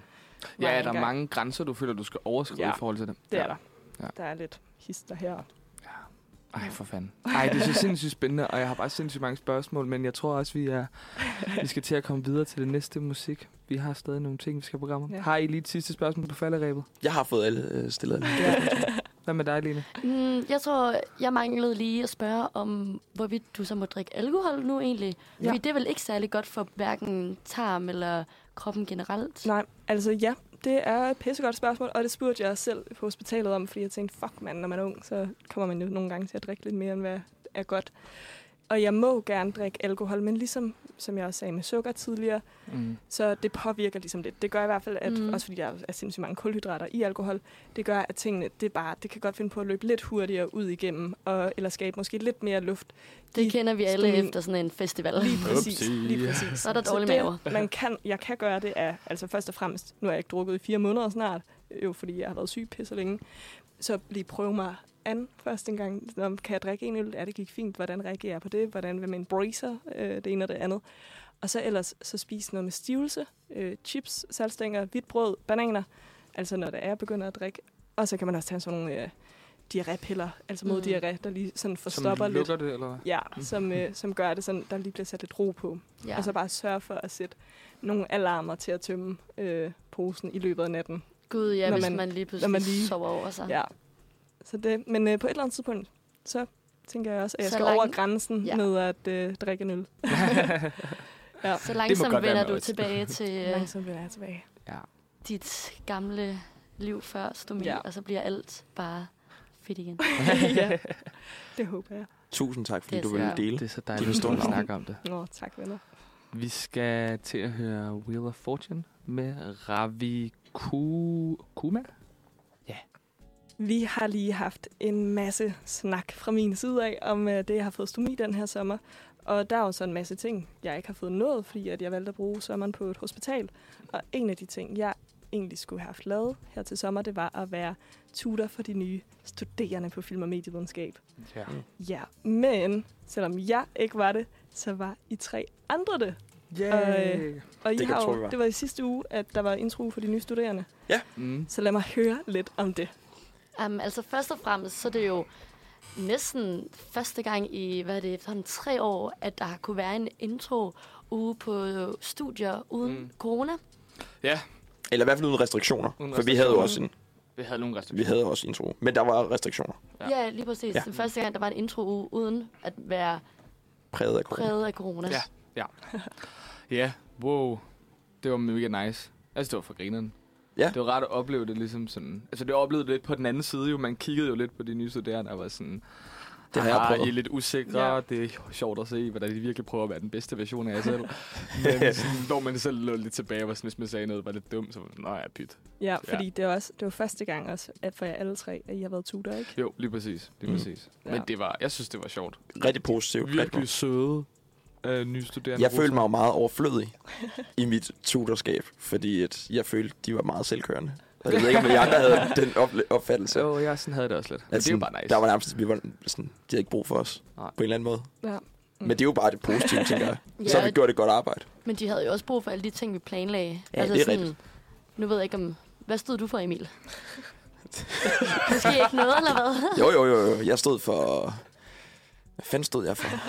Nej, fordi jeg står ned for det senere i forløbet. Så derfor, fordi for eksempel, jeg stod for meget af det, der var hele tirsdagen, hvor vi havde sådan et stort orienteringsløb rundt på vores øh, campus, og man kunne ligesom lære det hele at kende, og der var jeg derude og købe ting og få skrevet, hvad folk skulle lave på posterne, og få lavet en plan for det og sådan noget. Så der følte jeg mig da rimelig væsentlig, fordi ellers havde de da bare tuttet rundt. Det er rigtigt nok. Så Jeg skulle holde brunch Emil for har dem. bare været... Ej, jeg har faktisk stået lidt for barn, Ja. sammen med nogle af de andre. Og det må man sige, det er også et vigtigt punkt i en intro. Er det ikke? Jo, jo, jo. Men jeg kan godt genkende det, du siger med, at det ikke har været brug, altså følelse lidt overflødig. Fordi jeg forberedte brunch til min, til min familiegruppe, som det blev kaldt, øhm, om tirsdagen. Og jeg lavede mere eller mindre en brunch, og sagde godmorgen til dem. Og så sagde jeg ikke noget resten af tiden. Så satte sad du dig jeg hen i hjørnet og kiggede. Så sad jeg lidt og trillede tommelfingre sammen med mine medtutorer Astrid og, øh, ja, og kedede mig lidt, fordi at de havde nok i sig selv. Hvilket jo bare fucking grineren og fucking nice, at de skal snakke sammen. Nå, jeg snakkede bare med i det hele da. Jeg gad da ikke sidde og kede mig over i hjørnet. Jeg tænkte, jeg skulle ikke komme her, når, de, når samtalen Jo. kørte, skulle jeg ikke komme og blande mig. Men du skal da også blive venner med dem. Og ja, det blev jeg da også. Det er ikke ved at sidde over hjørnet og trille tommelfinger. Okay, Lena. Så, men i byen om onsdag, der er Ja. der... Ej, jeg ved Ja. ikke, jeg synes i hvert fald også noget af det fedeste, det her med at være tutor, det er jo, at man kan blive venner med folk, som ikke er på ens egen årgang, Mm. men på tværs af, altså for eksempel, en af de piger, der faktisk var her på Tirsdags redaktion sidste år, Liv, hende er jeg jo også blevet sådan, altså, venner med ved siden af studie, og vi ses og drikker kaffe og hygger, og det var jo, fordi hun var min tutor sidste år. Mm. Så det synes jeg er noget, der er en kæmpe gave ved, at man ligesom lærer folk på tværs af årgange, og så hun kan altid hjælpe med at sende sine noter, og jeg har købt alle hendes bøger, og sådan, at man ligesom får skabt et fællesskab på tværs af Ja. ja. semestrene, det synes jeg Ja. mega fedt. Det synes jeg også klart er en af de sådan, Det De synes jeg også. bedste ting, jeg tager med. Altså det der med, at man har et kendskab til, hvem går på de andre årgange. Mm. For også bare for at få et større fællesskab. Mm. Fordi Ja. man kan meget hurtigt blive isoleret, Lige specielt netop. når man går på universitetet. Ja. Eller en anden uddannelse. Bare sådan, okay, jeg møder op til timer. Jeg tager hjem igen. Ja. Ja. Lige sammen med dem, jeg er i studiegruppe med. Så eller det er det, jeg noget. tænker, at selvom at I måske nogle gange har følt jer lidt overflødigt, så er I jo der stadig til at blive venner med dem, og til at hygge med dem, og også bare til at chille med dem og have det sjovt. Og det er jo noget, som kommer til at betyde meget senere hen også. ja, det er rigtigt. Det var heller ikke negativt, men det var det positivt. ikke, ja, Kun det var virkelig positivt. positivt. Ja. De gjorde arbejdsbyrden meget lettere. Jeg tror i hvert fald, det er nok noget af det, jeg misunder jer Ja. allermest på, det er, det, at I nu lige altså, har fået, hvad, 70-80 nye øh, venner eller personer, Mm. der lige siger hej til jer ude på gangen, mm. og som Mm. jo nok faktisk også synes, at I nok er pisse nice. Ja. Fordi det synes man jo egentlig lidt, at tuterne er, at man Ja. bliver sådan lidt, wow, se lige hvor seje de er. Ej, men det Øhm. har i hvert fald været en fed, øh, fed uge. Jeg glæder mig sindssygt meget. Vi havde jo ikke øh, rustur sidste år på grund af corona. Og det glæder jeg mig sindssygt meget til, vi skal afsted. Vi skal afsted her i første weekend af efterårsferien. Så det bliver vores, også vores Det rustur. bliver også vores rustur. Og, og det er jeg også lidt misundelig. ja, Ja. det, det bliver jo mega fedt, fordi sådan, jeg føler, at det er lige så meget en oplevelse for mig, som det er for dem. Men det er også det, der er sjovt at se, hvor forskellige studier er. Fordi nu har jeg lige fulgt med på Instagram med jurastudiet. Og de var jo på det, Christian kalder rustur, og jeg kalder det hyttetur. Allerede her i den første uge, hvor de er afsted, og vi skal først afsted til oktober, så det er Ja. også vildt forskellige måder, at studierne griber den her intro an på. Mm. Mm. Og der er jo sikkert fordele og ulemper ved det hele. Ja, så er der stadig sted som Brug, som kører to ugers intro ja, i det skulle være ret intens. Ja. ja, det er ret vildt. Ja, jeg fik i sommerferien, der fik jeg sådan en besked fra en medicinstuderende, Mm. hvor der står, der stod i beskeden på Facebook. Øhm, hey, starter du på medicin efter sommerferien? Skal du så ikke med på rusturen? Og som sagt, så var jeg jo indlagt, så jeg var sådan helt forvirret og tænkte, jamen jeg er der på noget medicin. Og, men så var det fordi, at hun var så medicinstuderende øh, tutor og ledte efter en Laura Sørensen, og det var der jo mange af på Ja. Facebook, og skrev så til mig, øh, om jeg ikke skulle med på den rustur. Så må jeg så sige, at Ej, det synes jeg Ja, bare, du skulle have ja, taget det ja, skulle til. jeg, altså. Så er det bare taget med. Ja, det lød også pisse fedt, men de har sådan en hjemmeside og alt muligt sådan rustur.dk eller noget, fordi at medicin jo bare er gigantisk. Ja, det har jeg hørt om. Det Ja. har jeg hørt om. Og det skulle også være sindssygt rustur, de har. De er Og ret. Var det noget, I kunne finde på at gøre igen? Hver, hver tur? Øh. Eller var det en once? Helt sikkert. Du kan godt på at gøre det igen? Det vil jeg vildt gerne. Ja. Ja. Ej, hvor fedt, for jeg vil gerne Jeg synes, næste er, år. jeg synes, det er en kæmpe gave. Altså, jeg kunne godt tænke på at gøre det igen, men på den anden side har jeg det også sådan, nu har det også, det har også været min tur, så Mhm. sådan, jeg vil øh, også lade andre komme til. Ja. Og så har jeg nogle andre planer efter sommerferien, så Okay. derfor, så passer det ikke Ja. lige ind i mit schema, tror jeg. Nej, Ja. spændende. Hvad med dig, Emil? Mm, jeg tror også, jeg har det lidt som Christian. Jeg synes, det var rigtig, rigtig fedt, og det var godt at opleve en masse nye mennesker. Men jeg føler også, også fordi der er sådan lidt begrænsede pladser, at Ja. så er der nogle andre, der skal have lov til at prøve det. Ja. Hvor er I søde, var? Ja. Lena er bare, giv mig, jeg skal Kom bare med tage det. det hele. Det er Jeg skal bare gøre det på alle år, ikke? Jeg skal bare have det sjovt. Ja. Ej, det har været en fed oplevelse. Og det er jo ikke slut endnu. Der er jo stadig nogle weekender igen, og vi har tre arrangementer tilbage, så det bliver fedt. I Ja. får det godt. Mm, virkelig. ja. Men ja, på den, så øh, spiller vi noget mere musik. Og vi skal til at høre Paint Me med Aureola. Ej, jeg synes, det er pinligt med de der. Jeg kan ikke finde ud af at udtale det. Men fuck det, vi kører. Så øh, er vi tilbage, og vi har et øh, fast segment med. Vi skal til Saxen. Og øh, det er mig, der har taget en lille problemstilling med, som jeg synes, I skal prøve at snakke lidt om. Og med den her semesterstart, så kommer der selvfølgelig en masse nye studerende, en masse nye fester og alt muligt, man skal igennem. Mm-hmm. Og festerne kan nogle gange, eller i hvert fald har i tiden været lidt problematiske. Specielt når det kommer til temafester. Ja. Og jeg faldt over en øh, artikel fra TV2 i Jylland, hvor der står, rektor stopper tema, dyre udklædning går ikke. Det er ledelsen på Rigskovs Handelsgymnasium, der har aflyst øh, fredagens temafest for de nye studerende. Øh, fordi, hold op, det larmer lidt. Vi skal lige have lukket vi skal lige vinduet. have lukket vinduet. der står her i artiklen, aber, giraffer og zebraer, dyrepasser og turister. Ingredienserne til fredagens temafest var klar, men kostymerne måtte blive hjemme. Fordi at øh, rektor føler, at det er en skæv magtbalance mellem mm. første års og tredje års elever. Så nu er mit spørgsmål til jer. Havde I stoppet den temafest? Men jeg vil gerne lige høre, Jeg hvad forstår ikke- magtbalance ja. er. Ja, jeg Ja. forstår Altså- det godt. øh, førsteårseleverne kom udklædt som dyr, Mm. hvorimod øh, tredjeårseleverne skulle være dyrepassere og turister. Nå. Altså, på mit, øh, på mit gamle gymnasium... Hold da op, Christian. på mit gamle gymnasium, der indtil, jeg tror jeg sidste år eller forrige år, der hver første fest på gym, der var 3.G'erne var hersker eller herskerinder, og første G'erne og anden G'erne havde jo så et meget mere nederen tema. Oh. Så det kunne for eksempel være, at temaet for festen, det var middelalderen. Så var det kun 3.G'erne, der måtte være konger og dronninger og ridder, og så måtte de andre, de måtte være pøblen. Mm. Eller det var øh, de græske guder, så var 3.G'erne, de var selvfølgelig de store, flotte græske guder, og de andre var pøblen. Mm. Så jeg kan godt se den her magtbalance Ja. ting, fordi det havde vi også på mit gymnasium, og vi havde, altså, vi havde lavet, hvad de hedder, skærfter, eller hvad det er, hvor der stod hersker og hersker inde på, som også 3.G jeg havde på. Så ja, og det var måske lidt krasset. Jeg Men kan- jeg synes, det var fedt. Jeg kan også huske fra mit første år på gym, der skulle de nye, vi kaldte dem kid, Ja. øh, vi skulle øh, komme med sutter rundt om halsen, og så må tredjegerne have kongekroner på. ja. Og jeg kan huske, første år måtte vi, men efter det, så, der, så blev det skrottet. ja. Også fordi der er den der magtbalance. Og jeg synes egentlig, at det er... Jeg synes, magtbalancen er problematisk. Mhm. Fordi at... Jeg føler, der også ligger i det der med puttemiddager og sådan noget, ja. Ja. hvor at sådan, som der har været lidt problemer med, især i Nordsjælland, hvor at de øh, cool drenge inviterer de lækre første G-piger hjem, og så skal de gå lidt plakat og servere for dem, og det hele handler egentlig bare lige at se dem an og gøre dem til, til guldkid, ja. eller hvad man kalder det, guldputter. Mm. Nej, jamen, ja. Har I ikke hørt om det? Nej. Det er, hvis en tredje G'er har sex med en første G'er, så er man Nå. guld. Det blev det kaldt på mit gymnasium. Hvis man var, hvis man var første G'er, der havde sex med en Nå, tredje G'er, ja, okay. så blev man guldkid. Ja. Ja. Og hvis det var en første G'er, der havde sex med en anden G'er, så var man sølvkid. Okay. Der har vi, Ja. hvad, hvad har I kaldt bare putter, ikke også? Ja, Ja. Putter.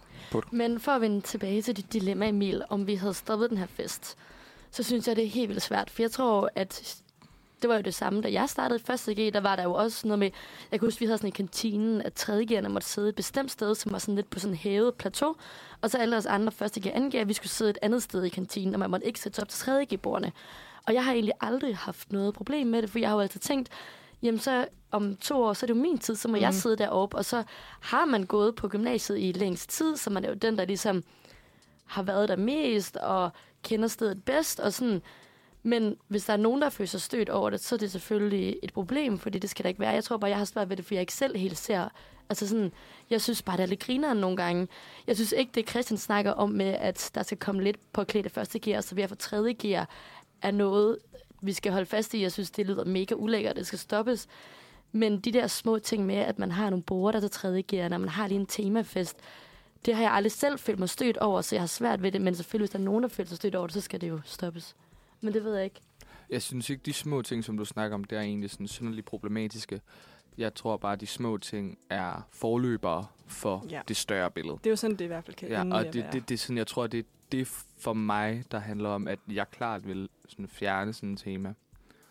Øh, og ikke tillade det, fordi det er forløber for andre situationer. Mm. Det er bare, ja, det er bare så ærgerligt, for jeg kan også huske, altså på, ja, på mit gym, så tredjegerne, når der alle gymnasier har et sted, hvor de drikker øl bagefter om fredagen. Vores, det hed Lunden, og der var der sådan også en lille bakke, som var til tredjegerne, og hed Herskerbakken. Og der sad man jo så, altså som første gear og anden gear, bare var sådan, fuck, jeg glæder mig til at skulle op og sidde på Herskerbakken. Og det er netop det der, som Lene siger med, at Nå, men det er fint nok, at 3.G'erne, de sidder deroppe nu, fordi jeg ved, at jeg bliver 3.G'er om to Mhm. år, og så kan jeg få lov til det. Men som du også siger, Christian, ja, så det der med, at man begynder at skabe den her sådan forskelsbehandling på en eller anden måde, så kan det jo ende med, at der sidder nogle 3.G's drenge, som det jo så gerne var, der holdt de her puttemiddage, Mm. og siger, Nå, men når vi nu alligevel er hævet over første Mm. mm. skal vi så ikke lige få hende den lækre ned fra første C? Ja, fordi det at det, for det kommer med? jo vildt meget an på, hvordan man så som tredje gear bruger den her magt Ja. eller lidt højere status, man har. Og der tror jeg, på mit gymnasium hjemme i Aarhus, der blev det egentlig, der blev aldrig sådan rigtig misbrugt, og jeg Nej. synes, det var en, det var mere sådan, så sad vi tredje gear op på de her borer, men hvis det var, at der var helt fyldt ned af første gear, anden gear, så kunne de jo godt komme op og sidde ved vores bord. De skulle bare lige spørge om lov først, men det var ikke, fordi man var sådan, ej, det må I ikke, eller sådan. Altså, jeg tror, hvor det lyder til, at yes, i Nordsjælland er det måske bare gået helt galt, og så bliver den her magt misbrugt helt vildt meget. Ja. Og det bliver jo et problem. Men så kan man jo sige, at der har været en vild god kultur, der har været på dit gymnasium. Men jeg tror bare ikke, det er tilfældet. Øh, det er ikke fortallet, der har en god kultur. Så man kan godt se, hvorfor ham rektoren her Ja. har været lidt presset, og så Mm. bare har tænkt, og det er, dog, altså, det er jo også forståeligt der med, når man så lad os da bare sørge for, at det ikke kommer til at kunne gå galt på et tidspunkt, ja. så lad os lukke den. Hvilket bare er ærgerligt for temafest, er jo altid pisse Men så kan man heldigvis bare finde på et andet tema. Ja, det kan man. Jamen, så kan man så det. det der er kan man da. Man temaer, kan da der er bare lave forbudt. dyretema for alle. Ja, ja Ah, okay. det er rigtigt nok. Ja. Okay. Så skal alle bare klædt ud som dyr, og så er der jo ikke nogen forskel i rang eller status. Nej. Eller... Det Nej, er men i næv- hvert fald ikke, hvis det- at, ja. Nå, det nævner det rektor faktisk det. også i artiklen. At Okay. Han havde ikke set noget problem i, at hvis alle havde været dyr. Ja. Det Okay, er, det okay. er Hvis det har været magtbalancen, lige der for er. alle. Ja. Det giver mening. Men så kan vi jo så komme ind på et helt andet emne også, som øh, er omkring temafester. For Mm. hvad kan man tillade sig at klæde sig ud som Ja, men nu det var nemlig dage? det, jeg mente. Kan man bare vælge alle Mm. temaer? Men dyr synes jeg da godt, man Ja, må. dyr men kan man godt. Dyr kan man godt. Det er rigtigt, der er jo meget... Dyr har altså også en stemme. Men der har jo været meget det der med, sådan, kan man lave et indianer-tema? Kan Ja. man lave, Mm. altså sådan forskellige, men det tænker jeg, vi skal snakke meget mere videre om efter næste sang. Det tænker jeg. Det tænker jeg. Vi skal høre øh, Uden ord med tredje person. Sikke et skriver. Ja. Kæft, det er en god sang, øh, det der. De var til øhm, Til Uniradio. Ja. Det var, der var de skide gode. ja, der var de rigtig gode. De fik Til godt nok publikum. Uniradio præsenterer? Ja. Ja. Mm. Jeg skulle til at sige Uniradioen Open. Ja. Ny branding, ny branding. Fanden. Camilla, lytter du? Ja. Nå, Vi har jo lige talt om fester. vi har Ja. lige talt fester, faktisk. Og vi skal snakke mere om fester nu. Ja. Øh, jeg har en, øh, en artikel med i, øh, i, sådan, i sangen om intro og fester. Om temafester. Den er fra Roskilde Avis, fra RUK. Bevæbnet til introfest. Torsdag morgen kl. 9 blev der sendt flere politipatruljer til Roskilde Station, da der var, an, der var kommet en anmeldelse om, at der var en bevæbnet mand i tog. Anmeldelsen.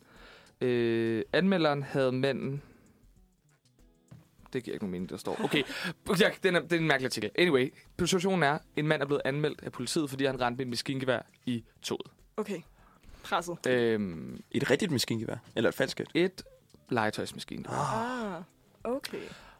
Og det han skulle, det var, at han skulle til militærfest på RUK. Prosit. Så det her, det her handler om egentlig, kan man, altså, oven på alt det, der skete i Fields, og så videre, så videre, Mm. så videre. Mm. Hvad, øh, hvilke temaer kan vi så tillade os ligesom at holde, og hvilke temaer er, er, okay, fordi Ja. at de her legetøjspistoler er bare lavet mega, mega godt. Så det Ja. er en prik på skaftet, der ligesom indikerer, om det er sjov, eller om det er the real deal. Mm. Ja. Det samme, min mor arbejder på et øh, gymnasium i Roskilde, som havde cowboyter-tema til deres første introfest. Det endte ud i, at dørvagten ikke ville lukke nogen ind, der havde pistol på sig. Så festen blev udskudt halvanden time, fordi Okay. alle skulle kropsvisiteres, Ej. og alle sådan, legetøjspistoler blev konfiskeret. Sindssygt. Fordi de ikke, han havde ikke viden nok om at tjekke, om det var korrekt eller ej. Ej. Så de blev konfiskeret. Og det, og det er jo, ja. Shit, Jeg kan godt se problematikken. Specielt den der med, hvad er det et S-tog eller et eller andet? Det var regionaltid. Et rent eltog. Ja. Altså, men jeg synes også, der er en, der er en forskel i forhold til, er det en enkeltstående, har man nu bare set en person, eller er der en flere hel gruppe, der sidder? Fordi så kan man, hvis man ser en hel gruppe, så tænker jeg, okay, de skal nok et eller andet sted hen. Der er ikke en hel Ud og gruppe, slå nogen ihjel. nej, der er ikke Nå. en hel gruppe, der skal, hvad hedder det sådan, ud og slå nogen ihjel. Ja, det vil være okay. mærkeligt. øh, så der synes jeg egentlig, det er okay, men jeg kan godt forstå det, at man selvfølgelig kan blive nervøs efter alt det, der er sket. Ja. Hvis man ser en enkelt person, og det har set meget realistisk ud. Jeg føler bare ofte, at de der våben ikke ser særlig realistisk ud. Så er det sådan nogle, man køber ned i sådan BR til sådan noget. 30 kroner. Jeg har jo sindssygt lidt styr på øh, våben og maskingevær, så jeg tror da, at jo, det første, jeg, jeg vil nok ikke tænke, at hey, der står en med maskingevær, men hvis man går over og er lidt nervøs, og det har, der har jo lige været altså mm. den Mm. her virkelig forfærdelige episode i Fields, som man jo heller aldrig vil tænke, det sker lige. Mm. Så jeg kan da godt forstå, at man kan komme lidt på dupperne, Ja. når man ser en øh, stå med et maskingevær, Altså, nu har jeg jo snakket selvom med, min- det er bare legetøj. nu har jeg snakket ret meget med min kæreste om det, og min kæreste er i politiet. Ja. Mm. Og hun har ligesom øh, daglig gang med maskingevær og pistoler og revolver og så videre. For det skal de lære, og hun er under uddannelse, og det skal Mhm. de lære at bruge i en situation, hvis det opstår ligesom i Field, så skal de lære at kunne håndtere et maskingevær, mm. og Mm. de skal kunne lære at håndtere en pistol. Øh, og hun siger, altså de står med en rigtig Ja. garn, men hun fortæller, at det, der bliver konfiskeret af våben, som oftest er legetøjsvåben, er virkelig, virkelig svært at kende forskel på. ja. Jo, du kan godt købe en i, øh, i fest og farver, måske, mm. Øh, til en billig penge, og så, øh, og så ligner det et stykke plastik. Men hvis du har en softgun, for. Ja. eksempel, Det er jeg godt bekendt med. du kan, altså du er virkelig svært ved at kende forskel på en softgun ja. og en rigtig pistol. Der er det en prik, der adskiller det. Ja. Og hvis denne mand øh, har taget, ej, jeg tager da bare lige min softgun med, så putter jeg ikke nogen øh, patroner i, eller det er fint nok. Og, sådan. og en softgun, det værste, jeg kan gøre, det er at give dig et blåt mærke. Ja. De, de skyder ikke særlig hårdt. Og så kan jeg godt forstå, at folk kan blive sindssygt angst og paranoid, og jeg kan godt forstå, en dørmand, der ikke har for, Ja. sådan forstand på, på våben, siger, det, der, det må du simpelthen ikke tage med ind. Ja, og hvis der skal 1000 elever ind, og det, altså, det kan jo godt være, at 999 af dem, de har bare deres legetøjs øh, Mm. revolver med, og så er der en, der bare ikke har, fordi at de er ude på ballade, eller hvad man mm. Nu skal sige. Og så er det jo helt vildt øh, presset, hvis man jo så faktisk ja, kommer til at lade dem komme mm. Ind. Det må da være sindssygt pres, jeg lige pludselig lægge på, fordi at normalvis så vil en dørmand, så kan de jo mærke, hov, du har da lige en pistol på dig. Men hvis alle andre også har en pistol ja. på sig, godt nok en legetøj, så er det jo, ja, så skal man da godt nok være skrab øh, i det for at kunne se. Men synes I, at det er hyggeleri, eller kan I forstå, øh, hvad hedder det, øh, nu tabte jeg ordet. Kan I forstå bekymringen i det? Sagtens. Jeg synes ikke, det er Ja. hyggeleri på nogen måde. Okay. Altså, jeg forstår godt, at man er nervøs, og det kan skabe sådan noget Mm. lidt frygt blandt Ja. dem. Der er der. Også Ja. fordi, du vil nøde være den skole, der står med den sådan, okay, Ja. ja. vi lukkede ham herinde, eller hende herinde. Mm. Der er sådan. Mm. Øh, men ja, det er også svært, fordi de, de ser bare så realistisk ud. Specielt de der softguns. Mm. Altså, de ligner seriøst rigtige våben. Det var noget andet. Altså, jeg føler ikke dengang, sådan, da man var mindre, der havde vi jo også splatterpistoler og sådan noget. Ja, Det følte jeg overhovedet ikke, der, det var ikke et problem nej. på den måde. Så jeg ved ikke rigtig... Øh, jeg synes, den er, den er svær, lige den der, i hvert fald med våben. Mm. Øh, og hvis de også ligner rigtige våben. Ja. Mm. Jeg har ikke noget problem med andet udklædning. Nej. Er der sådan noget, nogle fester, I synes, man ikke kan holde generelt? Nej. Med udklædning? Overhovedet ikke. Altså, jeg synes, jeg tror, synes, altså, hvis det kommer sådan noget blackfacing eller sådan Ja. noget, så er jeg ikke sådan. Men jeg kan, jeg kan ikke se problematikken i indianerfest eller mexikanerfest eller sådan noget, Okay. hvis det nu skulle støde nogen. Det har jeg aldrig kunne se problemet i. okay. Nej, det, jeg synes, det er svært. Det er vel meget det der cultural appropriation. Er Ja. det ikke det, det Jo. man kalder det? Hvor at, at det handler meget om, når man klæder du dig ud som den indianer, som også hvide mennesker har skabt, øh, mm. som er den her meget nedsætning, så kan jeg da godt forstå, at der er nogen, der bliver super presset og ked af det over, at man går med på den historie, fordi de bare har været pissehammerende undertrykt og er blevet slagtet. Jeg ved ikke, hvor mange, altså, hvor mange tusinder af den slags. Mm. Så jeg synes faktisk, det er helt vildt svært. Og kan også huske den dengang, til, når man havde 9. klasserne sidste skoledag. Fordi det var lige der, at alt det her det begyndte sådan rigtigt at komme op. Hvor at vi alle sammen var sådan lidt presset over, "Nå, hvem må vi egentlig så klæde os ud som Mm. øh, til det. Fordi der er man jo altså også ung, og man har været 14-15 år, øh, 15 nok, når man går ud af, af 9. klasse. Sådan, at der er man måske ikke helt så woke, som man også gerne vil være. Mm. Så jeg synes i hvert fald, det er svært. Og, ja, Men er det ikke også, er det ikke også, jeg ser det nemlig mere som sådan hyldest hvis vi holder, nu holder vi mexikanerfest, så er det mere en hyldest, det er jo ikke, fordi det skal være nedladende. Men, Jeg, jeg tænkte også lige på det samme, at for eksempel hvis man laver en Elvis-fest, og alle Ja. klæder sig Ja. ud som Elvis Presley, Mm. så er det jo fordi, for at hylde ham, og fordi han Ja. var et stort menneske, men jeg kan også se det, Laura siger i, at hvis man klæder sig ud som nogen, der har været lidt undertrykt, eller Mm. måske ikke er, ja, Ja. ikke for at blive hyldet, så er det lidt sværere. Ja, jeg tror i hvert fald, den er, Den er svær, men jeg har hørt noget om det der med, at øh, man må godt... Altså, det er det jo ikke, fordi jeg skal sidde og lege. Nu bestemmer jeg lige, hvad, hvad man må være. Nej. Men jeg har hørt noget om, at man godt må være mexikaner, eller sådan her sombrero på, fordi at, øh, at det er også det, de sådan selv jo gør, og sådan har, har den på, fordi at det er fucking varmt, og man ikke får øh, Ja, så. altså sol ned på hovedet, ja. Og det ene og det andet. Og de bare sådan, ja, ja, lad, lad det gå. Men jeg kan godt forstå, hvis der sidder nogle, øh, ja, Native Americans, eller Canadier, mm. eller hvad det nu er, som bare... jeg føler, kan føle sig ja. ja. støtte af det. Men der er jo også bare sket en ret stor kulturændring. Min mor fortalte Ja. ja. mig, at uh, hendes uh, 9. klasse sidste skoledag, der var der to piger, der smurte soja på sig selv, Mm, øh, for at være øh, folk fra Afrika. Hvilket jo også er syret gjort, synes jeg. ja, men det er jo det. Ja. Så der er jo også bare en kulturændring, det er måske svært. Ja, så Ja, længe man bare ikke gør en svær- grin med nogen. Ja, altså jeg ikke tror også- øh, noget nedværdigende. Det er Ja. altså, det er virkelig bare det vigtigste. Aldrig ja, gør det for at gøre nogen ondt. Ja. Det må vi huske. Vi skal til noget ny musik, og vi skal til sommer med Pal, Pal, Palas, Palas. Jeg ved ikke, har du et, øh, et track til mig, Christian? Ja, det har, Har du jeg. et underlæg, Det har jeg. jeg må få? Den driller lige lidt. Den driller. For vi skal nemlig i gang med noget nyt Okay. her på tirsdagsredaktionen. Det er noget, du er kommet med. Det er noget, jeg er kommet Som med. ny mand. Nyt indspark.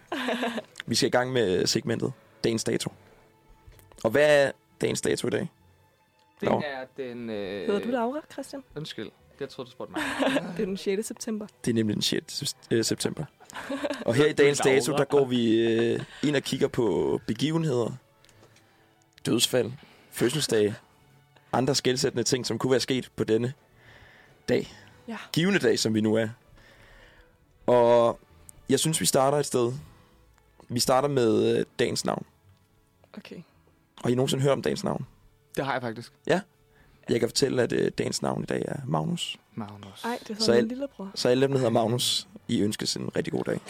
Dejlig dag til Magnus. Wow. Så har vi øh, i 1936, jeg har selvfølgelig travlet Wikipedia igennem, for lige at undersøge, for at undersøge, hvad der er sket i dag. Og i 1936, der dør Benjamin. Ej. Benjamin er den sidste overlevende tasmanske pungulv, som dør i sit bur i Hobart Zoo i Tasmanien. Så det var simpelthen en race, der gik. Sagde du tasmansk pungulv? Ja. Ej, hvor lyder den sød. Ja, den ser faktisk lidt uhyggelig ud. Sådan Okay. lidt, man kan lige slå et billede op Jamen, derhjemme. Tasmansk pungulv. Og hvis man ikke finder noget af det, så kan man også finde en tasmansk tiger. Det er det samme. Okay. Og den ser sådan lidt djævelsk ud på en eller anden måde. Nå, hvor sjovt. Åh oh, ja, den ser ikke særlig sød ud. Nej vel? Slå den lige op derhjemme. Den Ja. er ikke, uh... Den er sjov. Der er striber sådan bag på den. Ja, den har sådan lidt øh, okapi-agtig... Ja, og så- øh, skulle lige til at sige har Men den det ligner bare en hund. Vampyrtænder. Nå, Det- der døde den. ja, Nå. det, ja, er måske heldigvis. Heldigvis Ja. måske. Nå, 1982. Fregatten Peder Skam affyrer utilsigtet et harpunmissil, Åh. som også bedre kendt som Horsa-missilet. Nå, Har I nogensinde hørt om Horsa-missilet? Ja, Nej. Ja. Altså, det er jo simpelthen et missil, der springer to sommerhus i luften. Ah, det er det. okay, Der er heldigvis ikke nogen, der omkommer. Ja. Men øh, kaptajnen bliver sted i med straf. øh, der blev senere lagt sag an mod øh, med producenten af missilet, fordi det var Ej. bare sket før. Men øh, Nå, kaptajnen, han fik øh, skylden alligevel. fjollet. Så skal vi til dagens fødselsdag. Og i dag, eller faktisk i 1983, der bliver Søren, Søren Brendal født. Og jeg ved ikke, Laura, kender du Søren Brendal? Åh, oh, ikke på navne. Nej, Altså, men nej. jeg kan så fortælle, at Søren Brendal, det er Peter fra Far til 4. Nej. Nå, Den gamle Peter. nej, Fra vores tid. det der Ib Mosin.